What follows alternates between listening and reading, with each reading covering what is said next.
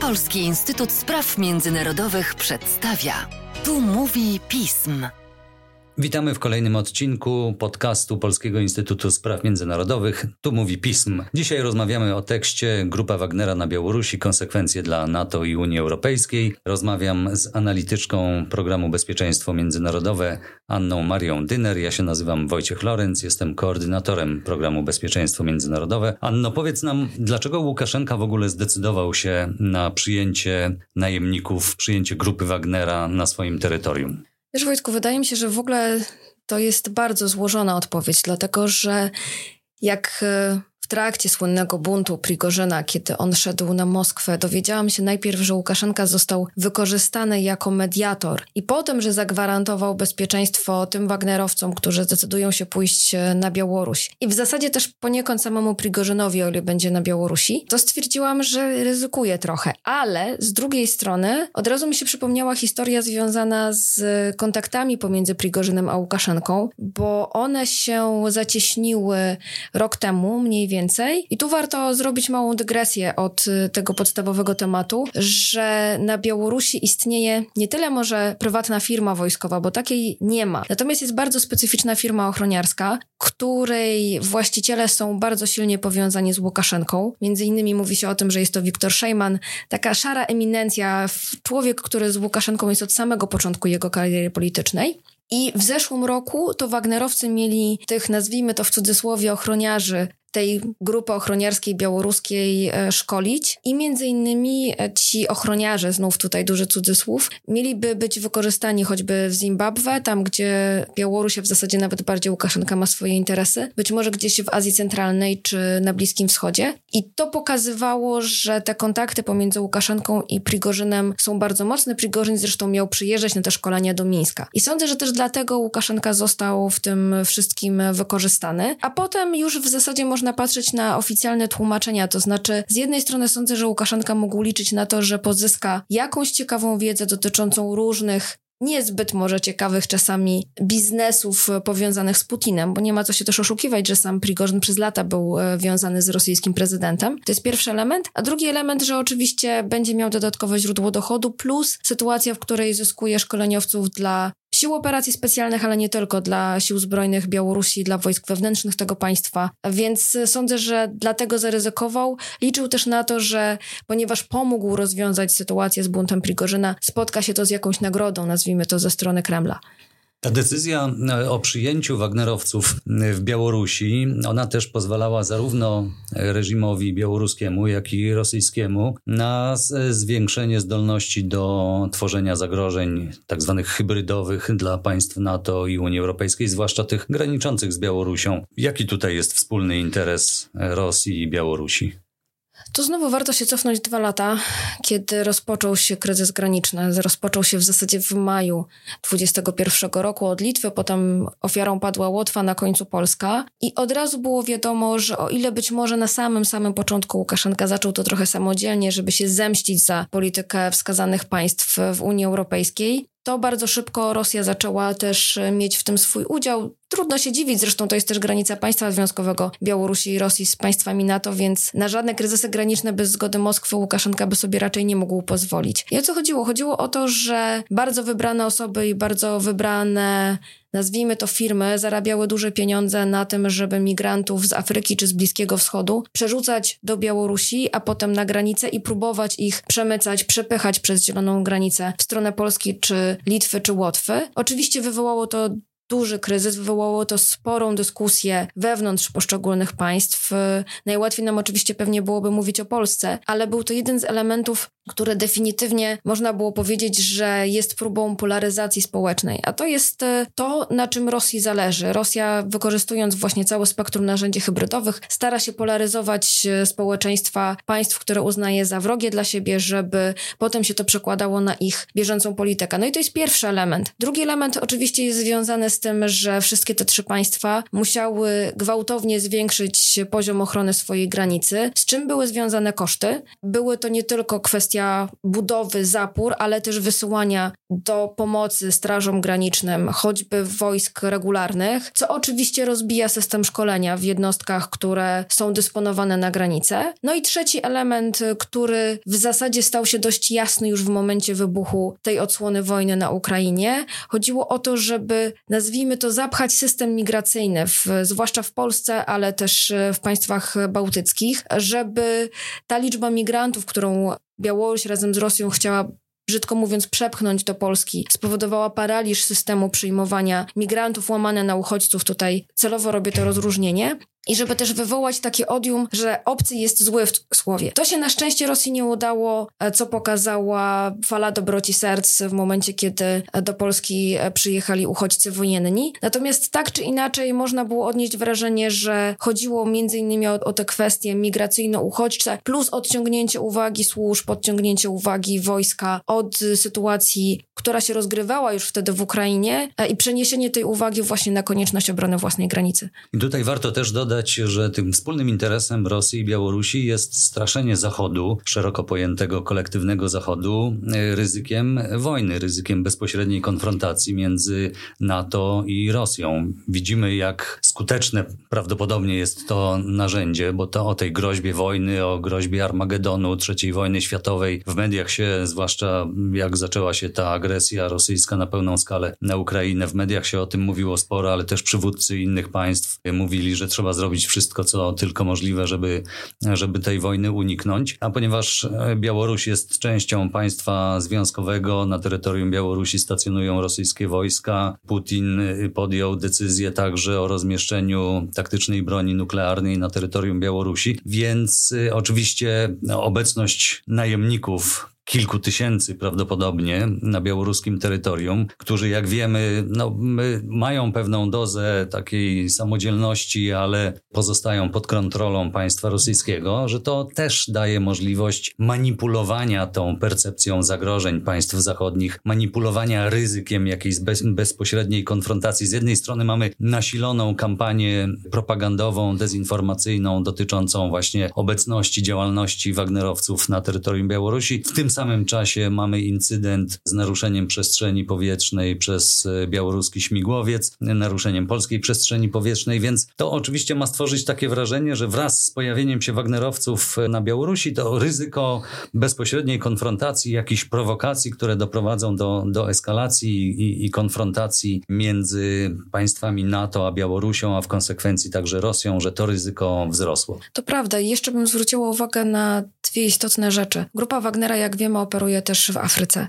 I prawdopodobnie liczono na to, że będzie to doskonały, nazwijmy to znowu brzydką, ale jedyne, co mi przychodzi do głowy, pas transmisyjny, który ułatwi przepływ migrantów z Afryki do Białorusi. Ktoś oczywiście na tym będzie zarabiał duże pieniądze i to będzie ktoś, kto jest związany ze służbami i białoruskimi, i rosyjskimi, co będzie tworzyło z kolei znowu presję migracyjną na, na naszą granicę. To jest jeden element. I drugi element, który jest z tym związany, o tyle ta sytuacja z grupą Wagnera była w bardzo trudnym momencie, że zaczęły się zwiększać e, w zasadzie nawet drastycznie, można byłoby powiedzieć, ataki na polskie patrole. Ataki, kiedy polskie patrole na granicy były obrzucane kamieniami, były obrzucane konarami, strzelano do nich prawdopodobnie z kuszy, więc e, wszystko to e, miało wywołać bardzo duży strach. Liczono też na odpowiedź. Zresztą wszystkie trzy państwa bo również ostatnio i Litwa, i Łotwa zwłaszcza bardzo wskazywały na nasilenie takiego, nazwijmy to, granicznego podgryzania ze strony służb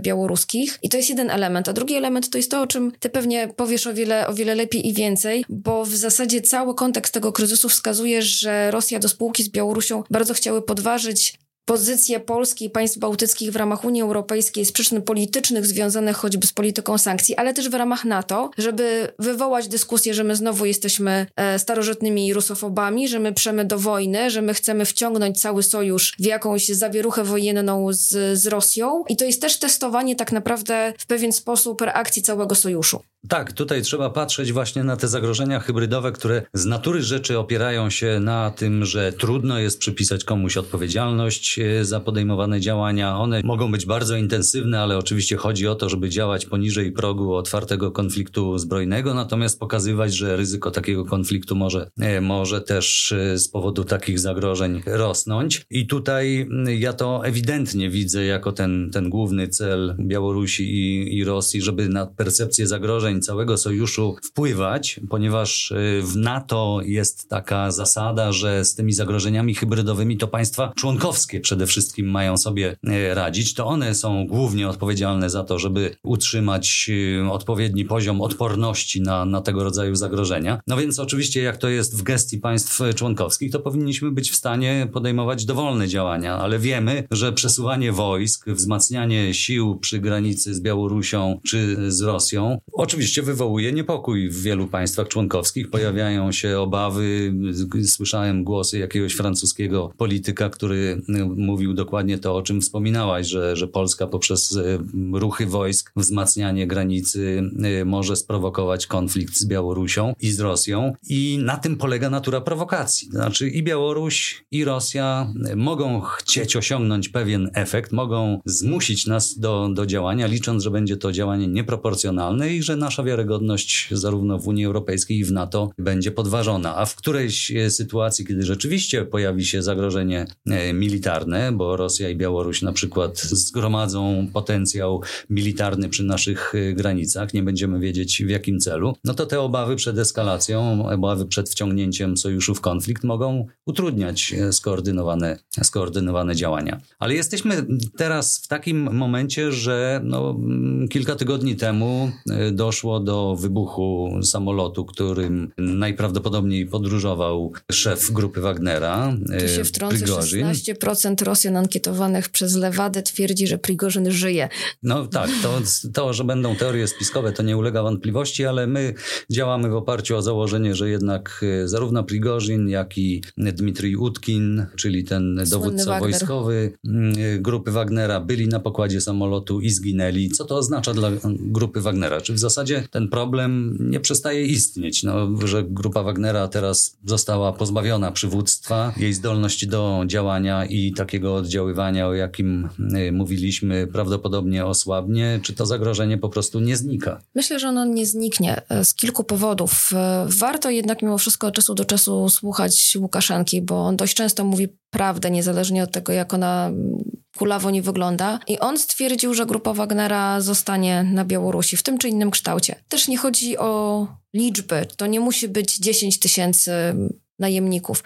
To może być kilka tysięcy albo nawet kilkaset osób, które będą działały, które mogą operować na przykład przy naszej granicy, które będą szkoliły siły zbrojne Białorusi. Więc sądzę, że ten komponent y, zostanie. Kolejna rzecz, oczywiście, na Kremlu jeszcze chyba nie podjęto decyzji, kto ma przejąć grupę Wagnera, ale jeśli miałabym zarysować jakiś scenariusz, to bym widziała, że grupa Wagnera jednak nie zostanie całkowicie zlikwidowana. Ona pewnie przejdzie jakąś, nazwijmy to, restrukturyzację.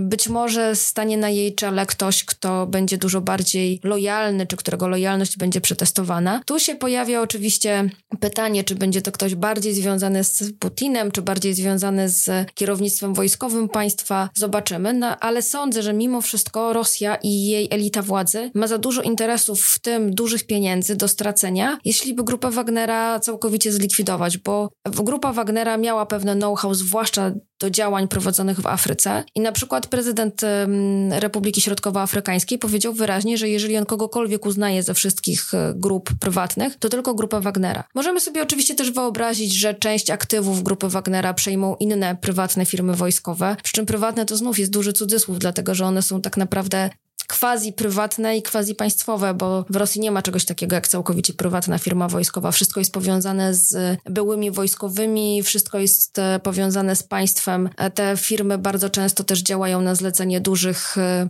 spółek państwowych, takich jak Gazprom, takich jak Transneft, takich jak koleje rosyjskie, więc to też pokazuje, że to tam przypadków absolutnie, absolutnie nie ma. I sądzę, że na pewno w tym czy innym kształcie ta, ta grupa zostanie. I dla, dlaczego jeszcze wspomniałam o tym, że nie ma aż takiego znaczenia liczba? Bo Łukaszenka oczywiście powiedział o 10 tysiącach, to jest o wiele, wiele za dużo. Nawet białoruski Hajun, taki niezależny projekt, szacuje, że ich tam teraz jest nie więcej niż 4-4,5 tysiąca. Ale znów nie w liczbach jest siła, to może być kilkuset dobrze wyszkolonych operatorów, którzy będą zdolni do podejmowania prowokacji, będą zdolni na przykład do tego, żeby zostać e, pod fałszywymi dokumentami wysłani gdzieś do państw członkowskich Unii Europejskiej i NATO. I raczej pod tym kątem e, należałoby myśleć, i pod tym kątem, moim zdaniem, bardzo wiele państw zaczyna postrzegać grupę Wagnera i zaczyna mówić o niej jako o grupie terrorystycznej, a nie żadnych najemnikach czy prywatnej firmie wojskowej. No właśnie, to w takim razie, jeżeli założymy, że nawet jeżeli dojdzie do jakiejś transformacji, reorganizacji w grupie Wagnera, e, to kilka tysięcy tych najemników prawdopodobnie zostanie na terytorium Białorusi, bo jest to korzystne dla samej Białorusi, która może zwiększać zagrożenia dla państw takich jak Polska, Litwa czy Łotwa, a także no, na cały sojusz i Unię Europejską. Jest to korzystne także dla Rosji, która też chce te zagrożenia tworzyć, wykorzystywać to jako formę nacisku i pokazywania, że niezależnie od tego, że siły rosyjskie mogą być osłabione przez wojnę w Ukrainie, to, to i tak Rosja ma możliwość umniejszania naszego bezpieczeństwa. To jak powinniśmy, wiedząc, że jest to taki hybrydowy charakter zagrożenia, więc w dużej mierze oddziaływanie psychologiczne, w dużej mierze oddziaływanie w sferze informacyjnej, gdzie słyszymy o tym, że wydawane są może paszporty tym najemnikom, żeby mogli się przedostać na nasze terytorium, że prowadzona jest y, prawdopodobnie rekrutacja na naszym terytorium, żeby pokazać, że ci Wagnerowcy niekoniecznie muszą y, pozostać ograniczeni terytorialnie tylko do terytorium Białorusi, ale mogą aktywnie aktywnie działać także poza nim. Jak moglibyśmy skutecznie tutaj tą zdolność do wpływania na naszą percepcję zagrożeń e, zneutralizować? Co wydaje mi się, że potrzebne jest działanie dwutorowe i w ogóle jedno jest o wiele szersze, to jest w ogóle budowanie odporności społecznej i na zagrożenia hybrydowe i na dezinformację. Tyle, że to jest e, spektrum o wiele szersze niż tylko dotyczące grupy Wagnera, i to jest praca na lata, bo w zasadzie trzeba edukować e, już od najmłodszych lat ludzi i w zasadzie nie kończyć, bo ta edukacja cały czas się przydaje. To jest e, jeden element.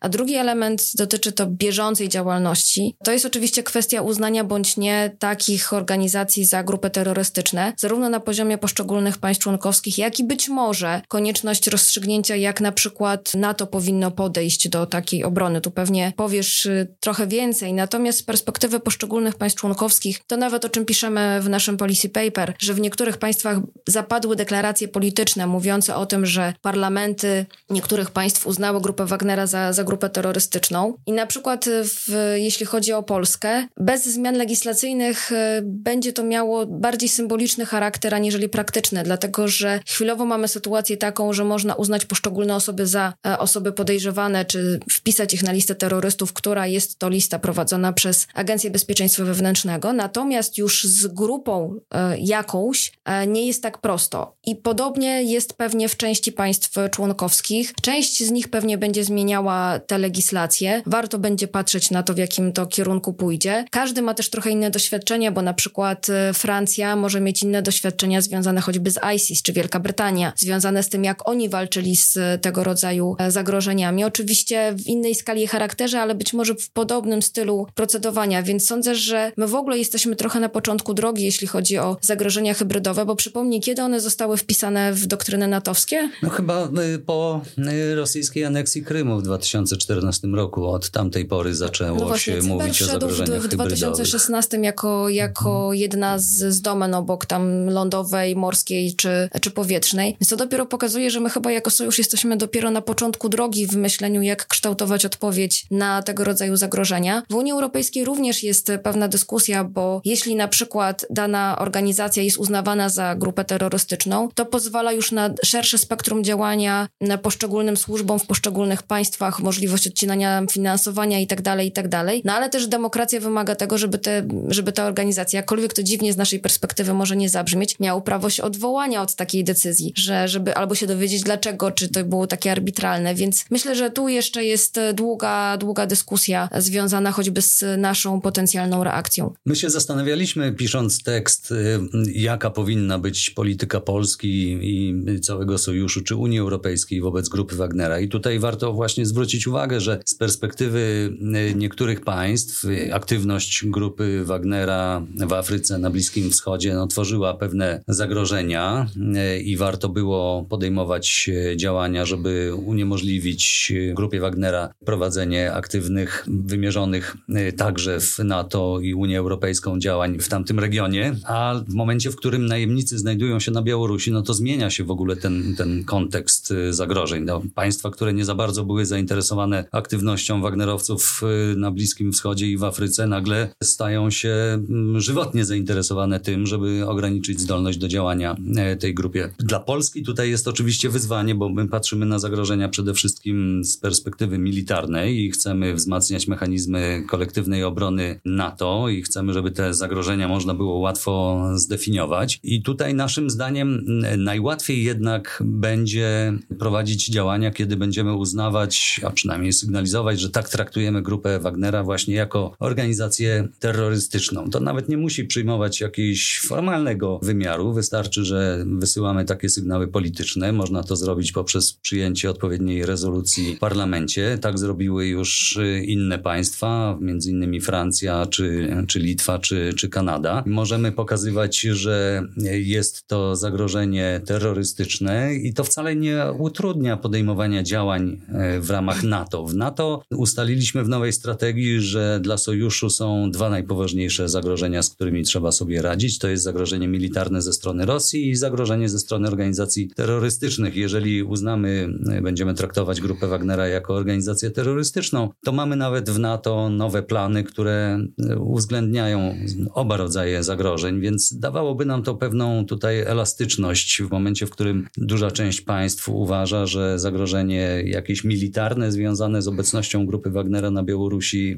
jest przesadzone, że to nie jest ten rodzaj zagrożenia. Więc takie jasne wysłanie sygnału politycznego, że Polska postrzega grupę Wagnera jako organizację terrorystyczną, ułatwiłoby nam nazwanie tego zagrożenia i ewentualne skoordynowanie działań w ramach sojuszu. Natomiast jeśli chodzi o Unię Europejską, to ułatwiłoby to, o czym mówisz. Powstałaby większa grupa państw, która by się domagała, mogłaby wywierać presję na, e, na Unię Europejską, żeby grupę Wagnera uznać za organizację terrorystyczną i wtedy rzeczywiście mamy potężne instrumenty e, w ramach Unii, które można wykorzystywać, żeby dobić, mówiąc już obrazowo, grupę Wagnera i żeby utrudnić jej działanie zarówno na Bliskim Wschodzie, w Afryce, jak i przy naszych granicach z terytorium Białorusi. I to właśnie rekomendujemy w naszym policy paperze Grupa Wagnera na Białorusi, konsekwencje dla NATO i Unii Europejskiej. I tutaj myślę, że na koniec jeszcze warto taką gwiazdkę dać, że Grupa Wagnera jest pewnym dobrym przykładem tego, z jakimi nowymi zagrożeniami przyjdzie nam się mierzyć i jako poszczególnym państwom, i jako organizacjom w całości, czyli tutaj mam na myśli Unię Europejską i NATO, bo Grupa Wagnera nie jest jedyną prywatną firmą wojskową w Rosji, jak już wspomnieliśmy mnożą się tego rodzaju byty w zależności od naszej reakcji, od naszej odpowiedzi, albo będzie to uznane za skuteczne narzędzie oddziaływania na nasze bezpieczeństwo, albo nie. Więc bardzo dużo wyzwań przed nami, a więc sądzę, że jeszcze nie raz przyjdzie nam się nad tym tematem pochylić. Dziękujemy Państwu bardzo. To był podcast Polskiego Instytutu Spraw Międzynarodowych. Tu mówi pism i zapraszamy na kolejne odcinki.